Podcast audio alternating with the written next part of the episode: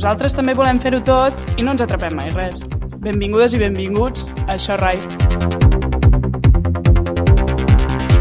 Hola, nosaltres som l'Alba l'Eulàlio i la Berta des de la distància i aquest és l'episodi 19 de la segona temporada de Això Rai. Som-hi. Ara estic pensant que no sé si serà l'episodi 19 o el 20. És veritat. Perquè tenim una altra idea pensada que potser anirà abans que aquesta, però bueno, quan s'estigui escoltant això ja se sabrà si és Exacte. el 19 o el 20. Mm. Per tant, o Us llegim 19... els comentaris. O 19 o 20. Exacte. Exacte. Que bo. Molt bé, doncs, entrant en matèria, jo fa dos anys que vaig decidir fer-me vegetariana i fa un any que vaig decidir tornar al peix de manera esporàdica perquè estava tenint masses buits mentals de memòria i ja em vaig cagar i la cosa em va començar a preocupar. Sigui com sigui, encara avui en dia molta gent que em coneix bé em pregunta com m'ho faig per ser vegetariana amb la dieta tan limitada que tinc. Ho he de confessar. Soc horrorosa per provar coses noves i menjar coses sanes. Soc com el típic nen de 5 anys que menjaria tota la vida carn arrebossada, tot i que, clar, aquesta opció ara l'he eliminat al fer-me vegetariana, arròs amb tomàquet i patates fregides. La veritat és que quan em pregunten com ho faig, sempre responc que no ho sé perquè és en per veritat, però una mica sí que ho sé. M'estic forçant a menjar coses noves, a, de tant en tant, tampoc ens flipem que em costa una mica menjar amanida, posar més verdura a la meva dieta, afegir una peça de fruita a les postres, i així, tot i que vaig triar el vegetarianisme per, una, per un tema sobretot de conscienciació amb el canvi climàtic, estic aprenent a poc a poc a obrir una mica la meva ment i la meva panxa a una dieta més sana que també em cuidi més a mi, a mi mateixa. I és que aprendre a menjar bé és de les coses més difícils que hi ha i tanmateix sembla tan òbvia, lògica i fàcil que sovint no li donem la importància que mereix. Menjar bé és també una manera d'estimar-nos a nosaltres mateixos i no hi ha aprenentatge al món més important que el de saber-se cuidar i estimar a un mateix.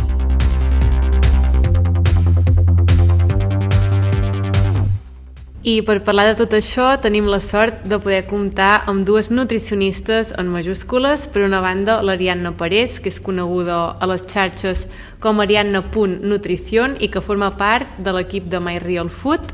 I d'altra banda, la Xenia Juncà, que treballa a l'Institut d'Assessorament Dietètic i Nutricional de Barcelona i és de les meves millors amigues.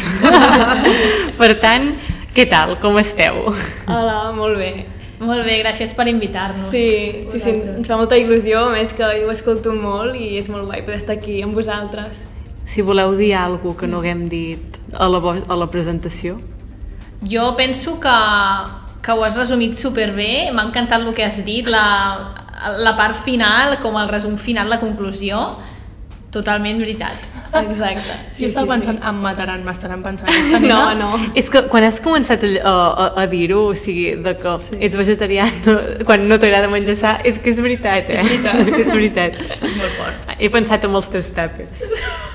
Bueno. Un show de tàpers, sí. bueno, i per començar tenim així una pregunta com per trencar una mica amb el gel, que quin sí. és algo? És, mm, si haguéssiu de triar algun aliment o algun ultraprocessat que mm, teniu devoció per ell, teniu debilitat per ell, Sí, el que no us podeu resistir encara que sabeu que és dolentíssim.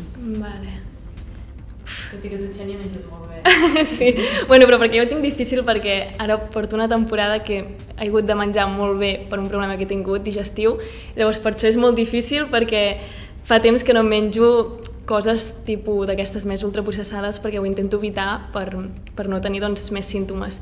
Però algo que menjava molt abans, potser, la nocilla, bueno, no, la Nutella, la Nutella, jo era més de Nutella, um, em va costar bastant doncs, no menjar-ne, però ara la veritat és que ja no la trobo a faltar quan t'acostumes. Jo sempre ho dic això, que quan el paladar s'acostuma, al final no, no trobes a faltar aquestes coses. Jo ara, l'haver-me acostumat a no menjar coses tan dolces, la veritat que no, realment no, no ho trobo a faltar.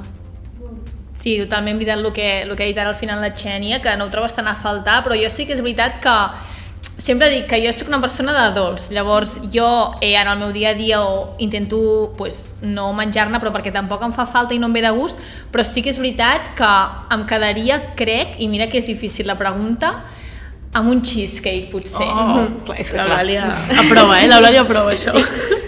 La gent del meu entorn ho sap. Super. Bueno, i ara sí que per, per entrar així uh, en matèria, o sigui, volem començar com destruint una mica el que consideraríeu vosaltres com a nutricionistes els pitjors mites associats a l'alimentació. O sigui, quins creieu que, que són? Bueno, això ens podríem passar tota l'estona parlant de mites Clar. perquè és que realment de tots els aliments que existeixen hi pot haver algun mite o hi ha algun mite i no sé, els pitjors O el que creieu que, que és el que està més difós o... Dos o tres, que penseu, ah.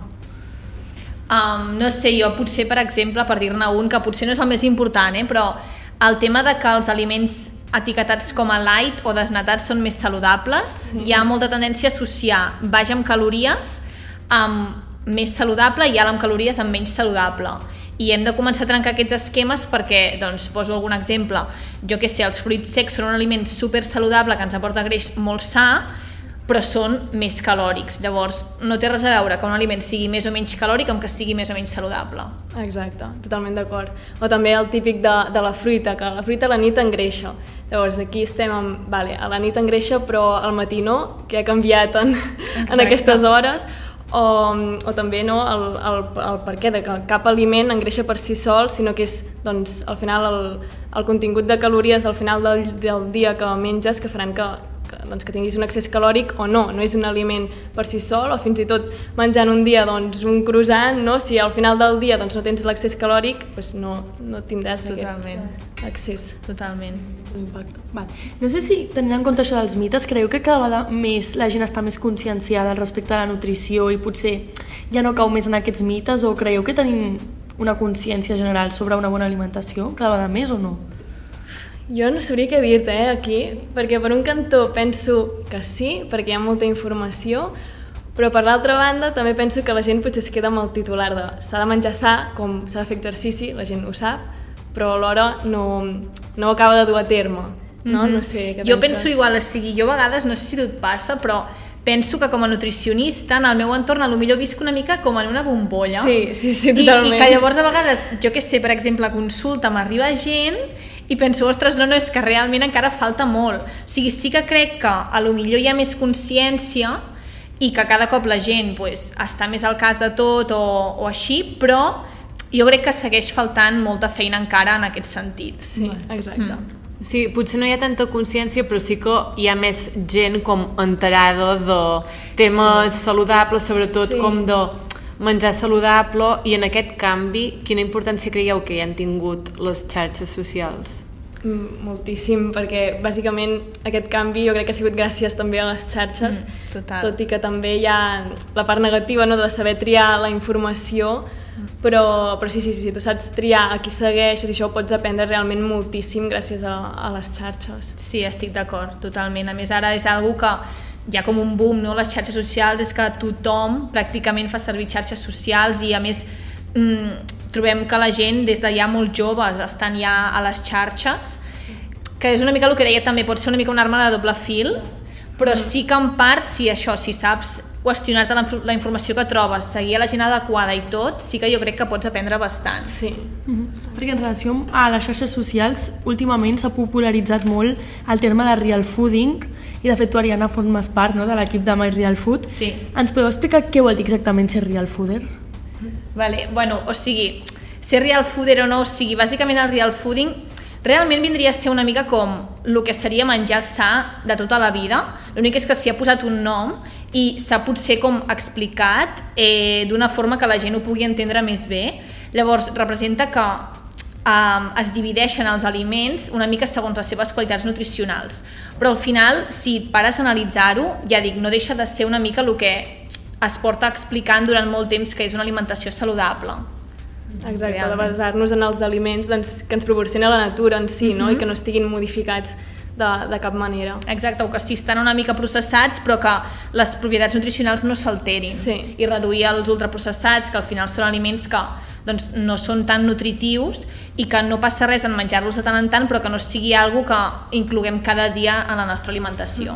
Exacte. I eh, aquest menjar sa, per poder accedir a una alimentació sana, creieu que és accessible a tothom? És a dir, tothom pot menjar sa? Ho dic perquè s'associa menjar sa aquests aliments com bio, eco, quilòmetre zero, i normalment aquests aliments són més cars. Llavors, sí. menjar sa és per tothom?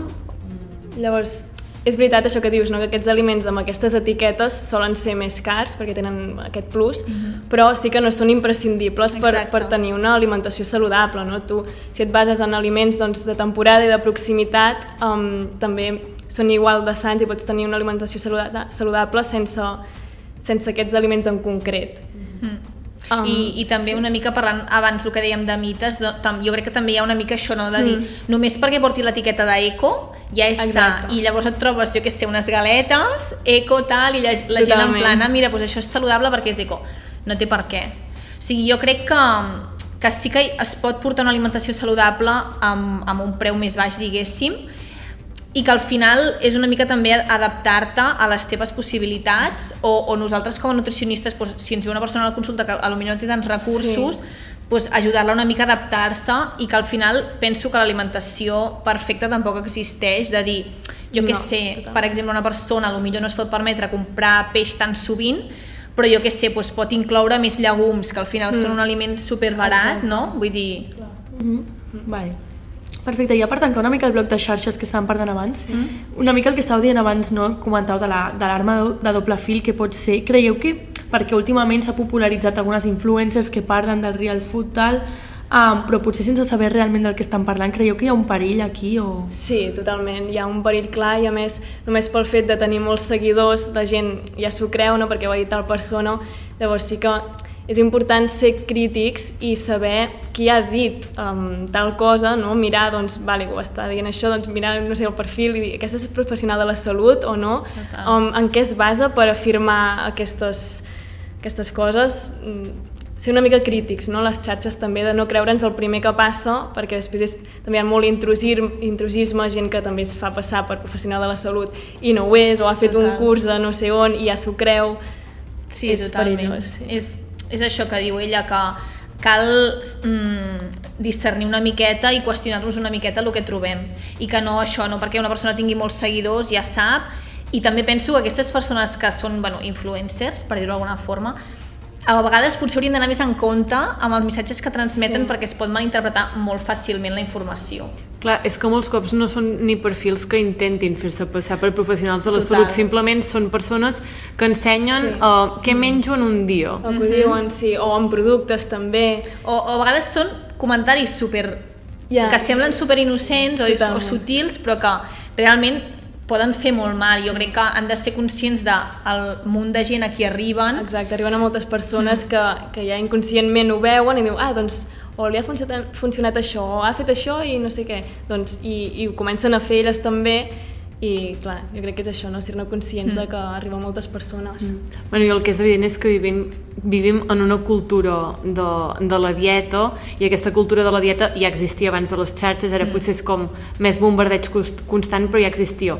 Per què creieu que allò normatiu és estar prim i per què associem estar prim a estar sa? Doncs jo realment el motiu no te'l sabria dir, però sí que és un cànon de bellesa que porta Exacte, molt temps establert a la societat, o sigui, no sé, o sigui, hi ha aquesta mentalitat de que estar prim és sinònim de salut, que aprimar-se mm, pot voler dir tenir més èxit, es premia estar més prim o haver-te primat... Mm. Tot i que és curiós, però abans era com al revés. El que estava bé era estar com més, més gras, no? perquè Mm, era fa senyal... molts anys. Sí, exacte, fa molts anys parlo, era senyal doncs, de que tenies aliments, de que et podies alimentar bé, en canvi les persones primes eren doncs, les que eren pobres, que no podien menjar, Total. i ara és com totalment al revés, no? Mm-hmm. Les persones uh, primes són doncs, les que tenen més accés potser això a menjar més saludable o que sigui, en canvi les persones uh, més obeses doncs, a menjar més tipus fast food Mm -hmm. i és curiós, no? això doncs, que com van canviant també la, les tendències. Sí. Perquè ja en un pla més tangible, vosaltres a la consulta, us arriba gaire gent preocupada per, per aquest aspecte de, del pes, sobretot? Sí. sí. sí la majoria de gent Clar, és això? Sí, almenys en el meu Sí, cas la majoria de també. gent que a més és molt fort i jo um, bueno, flipo bastant quan em venen um, dient que es volen aprimar el número de quilos i fins i tot la zona. Millor si és aquí la panxa o millor si és a les cames.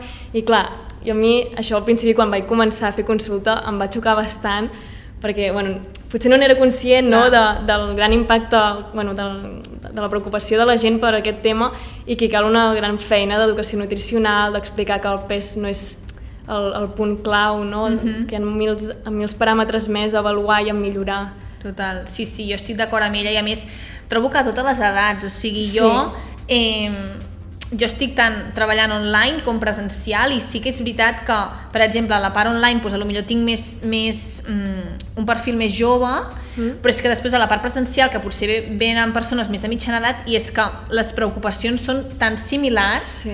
i penso és que al final o sigui, jo que no és una cosa d'edat, penso. Exacte, totalment. I jo sí que, o sigui, jo faig la consulta presencial i tot i ser presencial, molts cops ni peso a la persona, perquè dic, per no focalitzar-nos només en això i donar només importància Total. al pes. I les persones normalment es sobten de Es dir, sobten, ostres, sí. com mi vaig amb una passat." dietista nutricionista i no em vol pesar? Dic, a veure, jo sempre ho deixo triar, si la persona vol, doncs, Exacte, evidentment pesem. també. Però és això, que hi ha mil paràmetres més i, i es sorprenen i que Mm-hmm. falta molta feina en quant a educació. És que ara parlant del perfil de, de persones que venen conscients sobretot per al pes i tal, he pensat, la majoria entenc que són dones? O, o com està la cosa?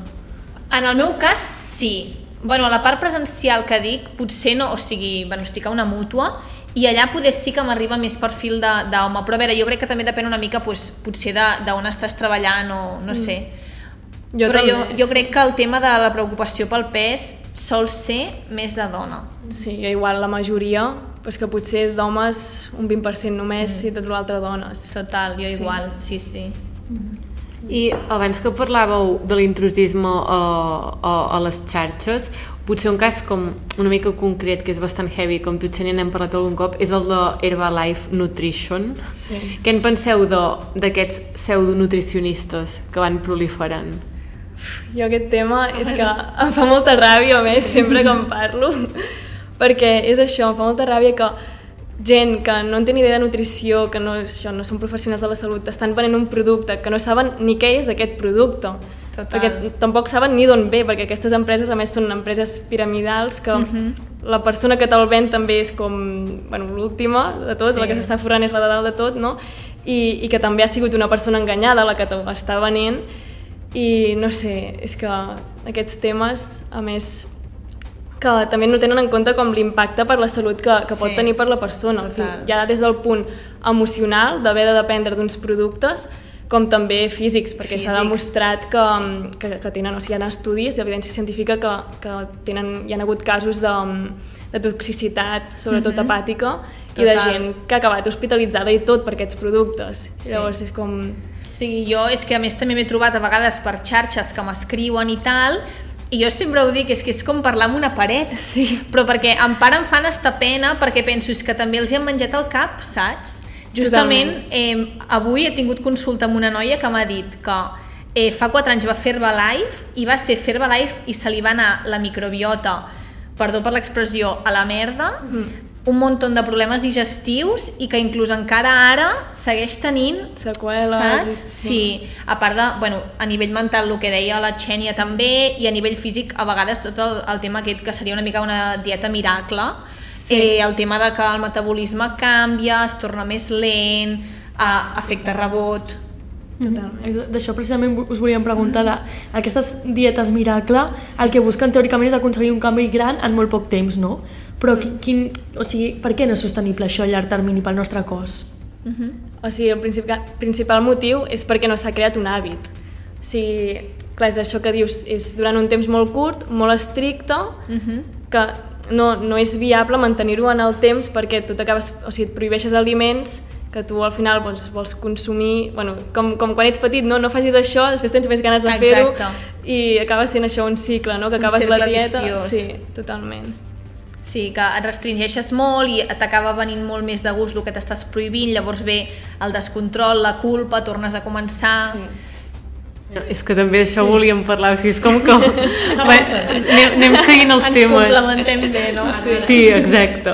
O sigui, això, de que, aquest, que aquesta frustració i aquest sentiment de culpa, si no s'aconsegueixen els resultats esperats, està com... Vull dir, se sap molt el tema dels TCAs i solem relacionar-ho amb l'anorèxia i amb la bulímia, però també hi ha altres malalties relacionades menys conegudes a tot això, com per exemple l'ortorèxia, que és l'obsessió per menjar sa. O sigui, per què pot ser perillós obsessionar-se amb menjar sa? Clar, és perillós en el moment que arriba obsessió. És que és això, i més, jo crec que això s'ha augmentat moltíssim des de, bueno, per les xarxes, potser també amb el Covid, que hem estat molt a casa, jo, jo ho veig molt en consulta, de que hi ha realment una preocupació Total, de, jo també. Sí, de pel menjar sa, que dius, bueno, però si un dia et ve de gust una galeta, no passa res. No t'has de Exacte. sentir malament, per això és que és millor menjar-te la galeta que no pas no menjar-te-la i estar-te amb, amb remordiment tot el dia. Mm -hmm, total, el tema de la flexibilitat jo la remarco Sí. moltíssim sempre, tant per xarxes com a consulta i, i és que és algo que trobo imprescindible al final un dia escoltava d'un psicòleg que la salut no és només la salut física, llavors aquestes persones a lo millor pensen que estan cuidant la salut física, però la mental a lo millor eh, no, i a part també hi ha com una part de la part social que jo crec que aquesta ortorèxia compromet una mica la vida social també, perquè al final el menjar està molt relacionat també amb, amb la part de, de Sí. social, de fer plans... Clar, el tot perfil d'aquestes persones són persones que potser deixen de fer plans o deixen d'anar a sopar amb els amics perquè saben que aniran a un lloc que no, que no hi haurà menjar sa, no? coses així, i aquesta és, és la preocupació. Perquè en relació amb això que comentàu dels hàbits socials, el que estem acostumats, de vegades creieu que potser tenim normalitzats certs hàbits perquè els fem simplement en societat i que potser no són realment tan sants com jo que sé.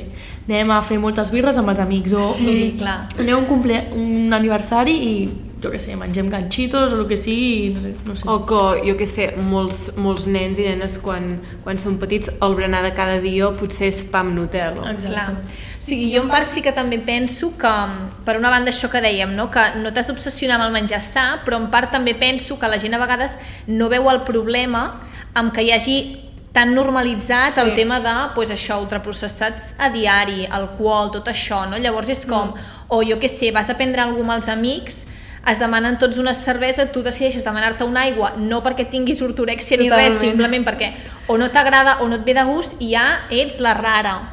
No? Llavors és com, vale, aquesta pressió social jo crec que està una mica per les dues bandes. Exacte, no? com si la persona canviés de cop, perquè en comptes de beure's una cervesa es veu una aigua. Total. Això, no sé, és, és molt que ho tenim interioritzat i també el que dèiem abans al principi de tot, de si ara la gent es fixa més en el menjar sa, és això, no? la gent ho sap, però alhora tampoc ho acaba de, de posar en pràctica. Mm. Sí, sí, sí. O sigui, doncs, si la clau de tot és tenir una bona relació amb el menjar, com podem saber si tenim una bona relació amb el menjar? Vale, sí, és molt bona pregunta. Eh, jo crec, a vegades, o sigui, m'és més fàcil explicar-me quan, amb la part de com saber que no la tens, no? Tan bona, potser, mm. pues, una mica també el que dèiem, deixar de fer X plans eh, sí. que impliquin menjar o que si no saps el que vas a menjar o el que et cuinaran o tal, ja t'agòbies, sensació de culpa si et ve de gust alguna que no sigui tan saludable. Exacte. I també, sobretot, de, si et menges un aliment, això, no sentir-te culpable, o no tenir una llista d'aliments de, aquests sí que puc i aquests no puc. Total. No? De, de sentir-te sentir lliure, canviar el concepte aquest de menjar sa en estar a dieta. Això són com tot punts de que si tu ja et restringeixes un aliment, doncs ja és senyal de que molt bona relació no hi acaba d'haver. O tens por als certs aliments. Sí. Jo crec que la part aquesta de, de sensació de culpa és com molt bona cosa per, per veure si tens una bona Sí. relació amb el menjar o no. O de compensar també. Ah, compensar no? també, de, és veritat, He, he menjat això, doncs ara vaig a fer exercici, o ara no sopo, o ara no menjo. Això està com molt normalitzat. Sí, eh? sí molt. és que massa. I tot això, o sigui, això que esteu dient de, com d'aquesta mala relació, aquests exemples, us ho trobeu? Sí, sí jo moltíssim. Sí, sí. Molt, sí, sí. És, és molt fort, eh? I és això, també és una de les coses que també em va sobtar quan vaig començar, de gent que diu, ostres, és que pico durant la tarda i després, com que he picat, doncs no sopo. I després també sobten doncs, que jo els dic, doncs, vale, doncs anem a estructurar-ho millor o incloem aquí un berenar més complet o de fer-ho això més estructurat. I, ostres, és que jo no feia el berenar per no haver de menjar, però després pico i és com... Clar, clar, és que hi ha molta... O sigui, molta, molta perso molts cops les persones aquestes que et trobes que piquen molt o que de cop et diuen no és que jo al vespre tinc molta ansietat pel menjar, em descontrolo tal, i és ordenar-los l'alimentació Totalment. i noten un canvi brutal. Sí. Sí, creieu que la, que, les, que la fina línia com per, no vull dir caure, però com en, per entrar en TCAs és molt fàcil. sí. Sí, jo crec que sí. A veure, és que clar, sí que és veritat que si et mires el TCA com a tal del, del manual uh, del DCM, a lo millor no, però, però hi ha jo crec molts tipus de TCA i, i sí, jo crec que la línia és molt fina. Sí, exacte, com dèiem això de la vigorèxia, no? que potser no és tan el TCA que sempre Típic. coneixem, exacte, el típic, però, però sí, és, és finíssima la línia i jo sempre ho penso, quan em ve algú així en consulta, penso, hòstia, menys mal que has vingut, no? Sí. I, has, I has anat a per aquí, no amb una altra persona que potser doncs, et faria una dieta super estricta. I pot. Perquè, Sí. o sigui, ara això m'ha fet pensar que jo conec diversa gent, últimament, no sé per què han sortit aquests temes, de persones que en molt poc temps s'han aprimat molt i no han arribat a tenir un TCA val, com a tal, però realment com que han tingut un... O sigui, ells mateixos han fet un canvi molt dràstic a la seva dieta, han deixat de menjar bastant perquè s'han aprimat molt de manera sí. molt ràpida i després aquesta gent, com tornen a la, a la normalitat, tipus, tornen a menjar tal i qual, però com que ja el seu metabolisme ha canviat i, o sigui, això em preocupa perquè realment fins a quin punt aquesta gent um, ho fa de manera sana, no ho fa de manera sana o com, saps, frega la línia amb, el, amb un TCA Però què vols dir que el seu metabolisme ha canviat? Que ja es mantenen prims, encara que mengin normal? es, man, es mantenen bueno, prims. Normal. Sí, sí. Vull dir, és que, en plan, gent que jo conec pròxima. Vale. Vale, és que clar, jo crec que s'hauria de veure una mica el cas, en plan, a lo millor aquesta persona estava menjant molt malament, hi ha, hi ha gent que si, per exemple, abusen molt d'ultraprocessats o així, només canviant això ja pots veure un canvi ha un brutal a canvi, nivell sí, físic o no, eh? Vull dir, és que clar, és el que dèiem, no? Que menjar sa no sempre és aprimar-se. Però jo crec que hauríem d'analitzar una mica cada un d'aquests casos per veure si realment hi ha un problema o no. Sí, i realment també amb el que dius, no? doncs, de, de les seves seccions, de com ho feien, d'això de si s'amagaven a l'hora de menjar, jo què sé, coses així, no? Clar, que no sempre cal preocupar-se, però sí que si hi ha algun detonant que et fas com sospitar, doncs sí, de dir, eh, potser passa alguna cosa, però que no sempre ha de passar alguna cosa. Exacte. És que també és el que dèieu, no? que quan una persona menja sa, se li demana que com és que fa dieta o com és que fa règim, o sigui, no tenim normalitzat que, que allò normal sigui menjar sa. Llavors, Totalment. ens fa falta educació nutricional. Jo penso que molta, Sí, exacte, molta i que moltíssima. quasi que hauria de ser una assignatura a l'escola. Sí. O sigui, és que molt, perquè a més és això, també amb el tema de l'alimentació a mi em fa molta ràbia perquè és com que la gent ho sap tot. O sigui, és un tema que jo crec que, o sigui, tothom Tu parles amb algú i en saben més ells que, que tu, Que que, tu, has estat sí. aquí estudiant, no sé quants saps? Hi ha anys. tanta informació, o això també, de, el que dèiem, tants mites extesos i Sí. tal, i jo crec que sí, que falta molta educació. Sí. I a més això també perquè ara tenim a l'abast molts productes diferents Exacte. Que, que clar, menjar doncs, això, doncs, els aliments més reals, no? com dèiem abans, doncs, és, és l'estrany, no? Mhm. perquè doncs, no menges tot el que hi ha al supermercat, sinó que tries el més real.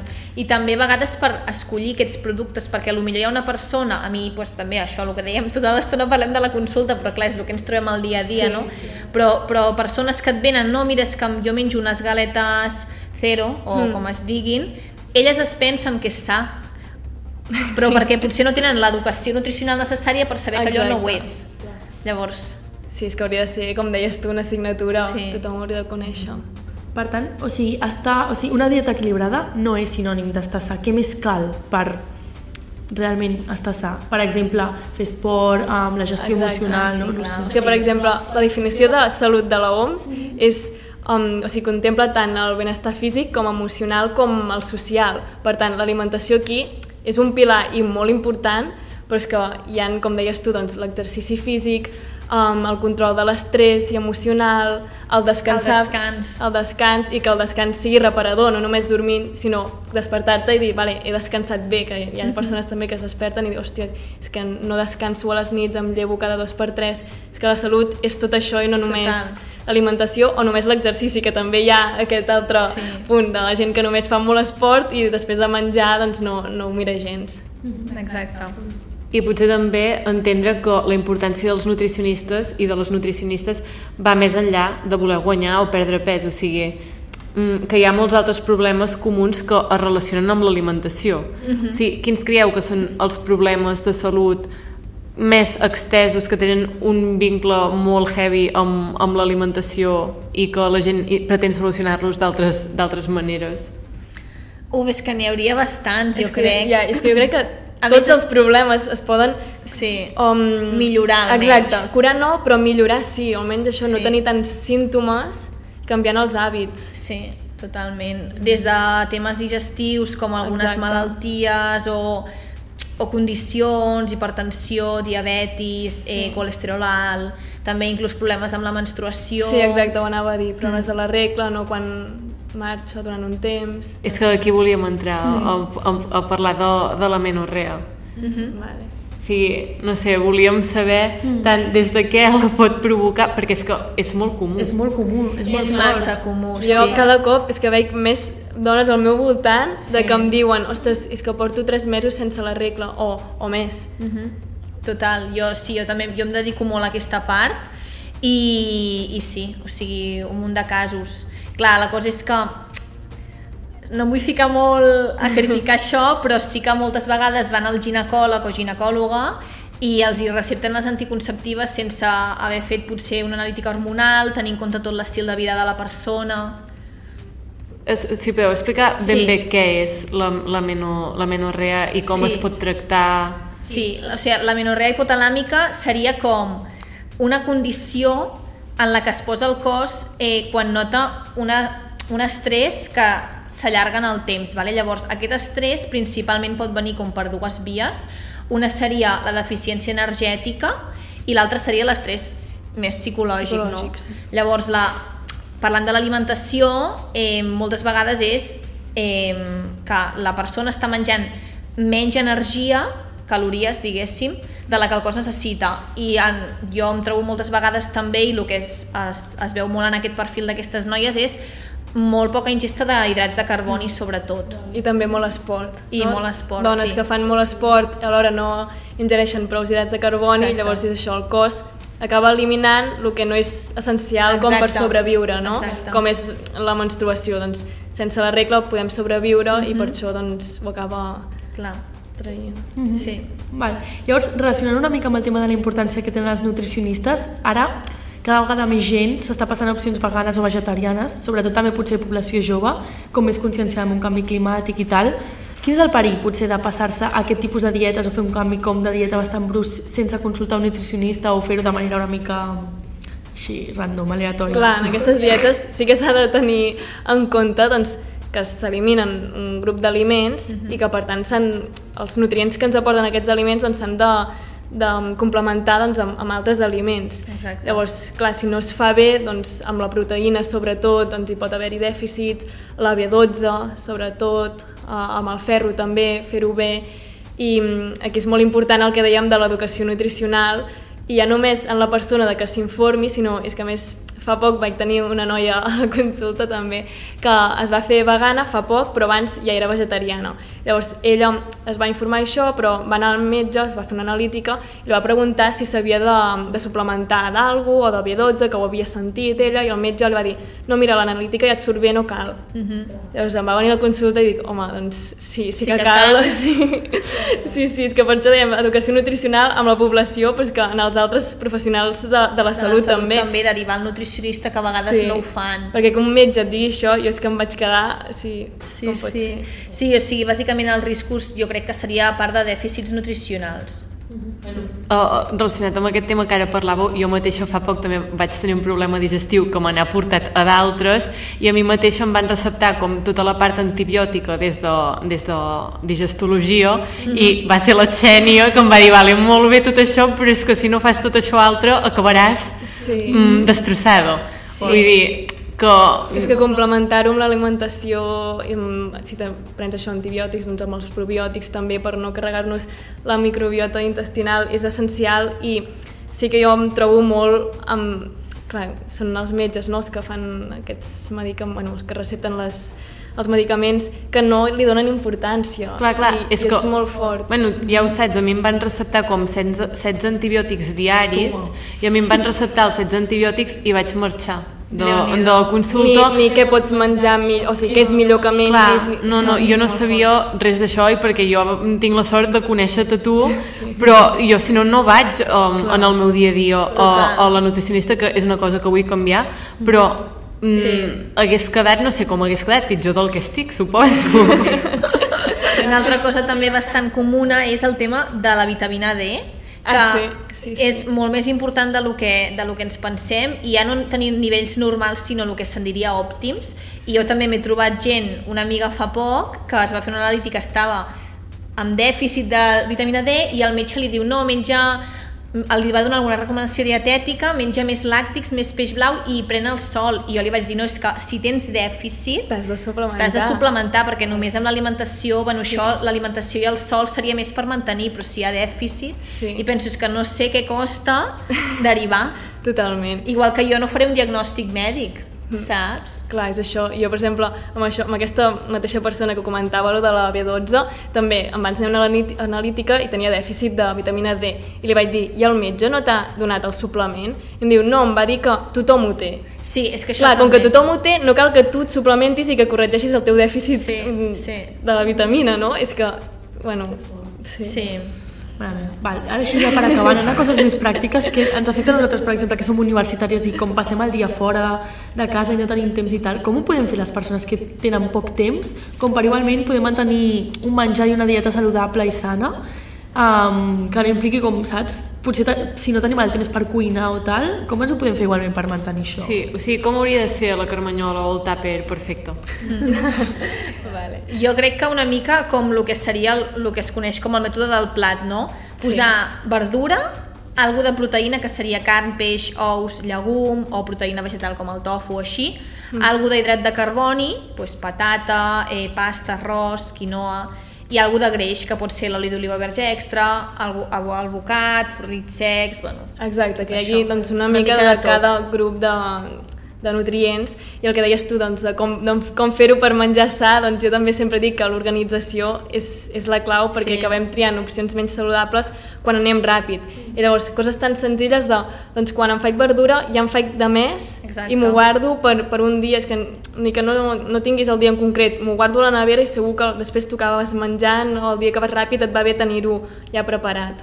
Total, sí, o hi ha moltes opcions a, l'abast avui en dia, jo sempre ho dic, des de pues, fer-te amanides o venen Sí. sí. inclús bosses de verdura ja congelada, tallada, que està bé, de nutrients, o, o aliments com de conserva, tipus llegums, conserves de peix, o coccions fàcils a la planxa, la carn, el peix, els ous...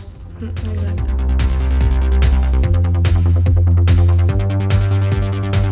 I avui a la recomanació uh, estic molt contenta perquè recomano una recepta perquè jo sóc la típica persona que els seus guardats d'Instagram tots són receptes i restaurants i com a persona molt llaminera i que m'encanta menjar però que també té molts problemes digestius avui us recomano uh, uh, bueno, és una recepta que no és meva i no me n'amago pas gens. Està copiada, és copiada de la arroba blanca nutri que me la va descobrir la Xènia. I si no la coneixeu seguiu-la que, que això que ara, jo també ara sempre la segueixo. Bueno, i direu, per què ens recomana una recepta que ja, que ja podem trobar a l'Insta? Doncs perquè aquesta recepta us asseguro que és boníssima i que us sortirà perquè jo he aconseguit fer-la i jo sóc la típica persona que les típiques tortites que són facilíssimes no em surten. I la recepta en qüestió són uns dònuts que no s'han ni de posar al forn i necessiteu 125 grams de farina, que pot ser d'avena, d'arròs, del que vulgueu, 125 grams de iogurt, també el que, el que preferiu, una cullerada de llevadura i un plàtan així tot ben triturat amb tots els ingredients i dos minuts i mig a màxima potència al microones i quan els traieu doncs hi poseu um, els banyeu amb xocolata o el que vulgueu. O sigui que superfàcil i boníssim. I ara... Quina bona pinta. Ja, ja. I ara um, acabarem amb les recomanacions de la Xènia i de l'Ari. Vale, jo, bueno, el que vull recomanar, mm, més que recomanar, demanar com el favor no, de, a les persones de no comentar sobre els cossos de, de la gent, de dir lo típic, ostres, aquesta s'ha engreixat, o, ai, estàs molt guapa, t'has aprimat, no? Evitar aquests comentaris al màxim perquè no sabem què hi ha a darrere de la persona, què porta a sobre i poden fer molt mal. Doncs jo recomanaré una cosa que volia recomanar una altra cosa però se m'acaba d'acudir i és eh, recomanar a tothom i faré èmfasi en les dones perquè hi ha massa por que és que entreneu força.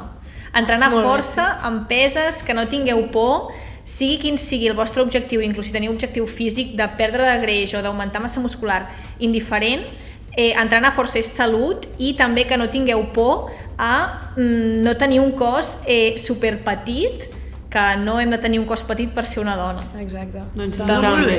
Molt encanta. recomanacions. Sí, sí, mare meva. Molt bé, noies.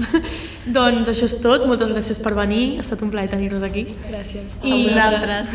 I nosaltres ens veiem d'aquí 15 dies. Bueno, ens veiem, no ens escoltem. Sí. D'aquí 15 dies um, al nostre podcast. A les Ai, 8 eh, el pengem. exacte.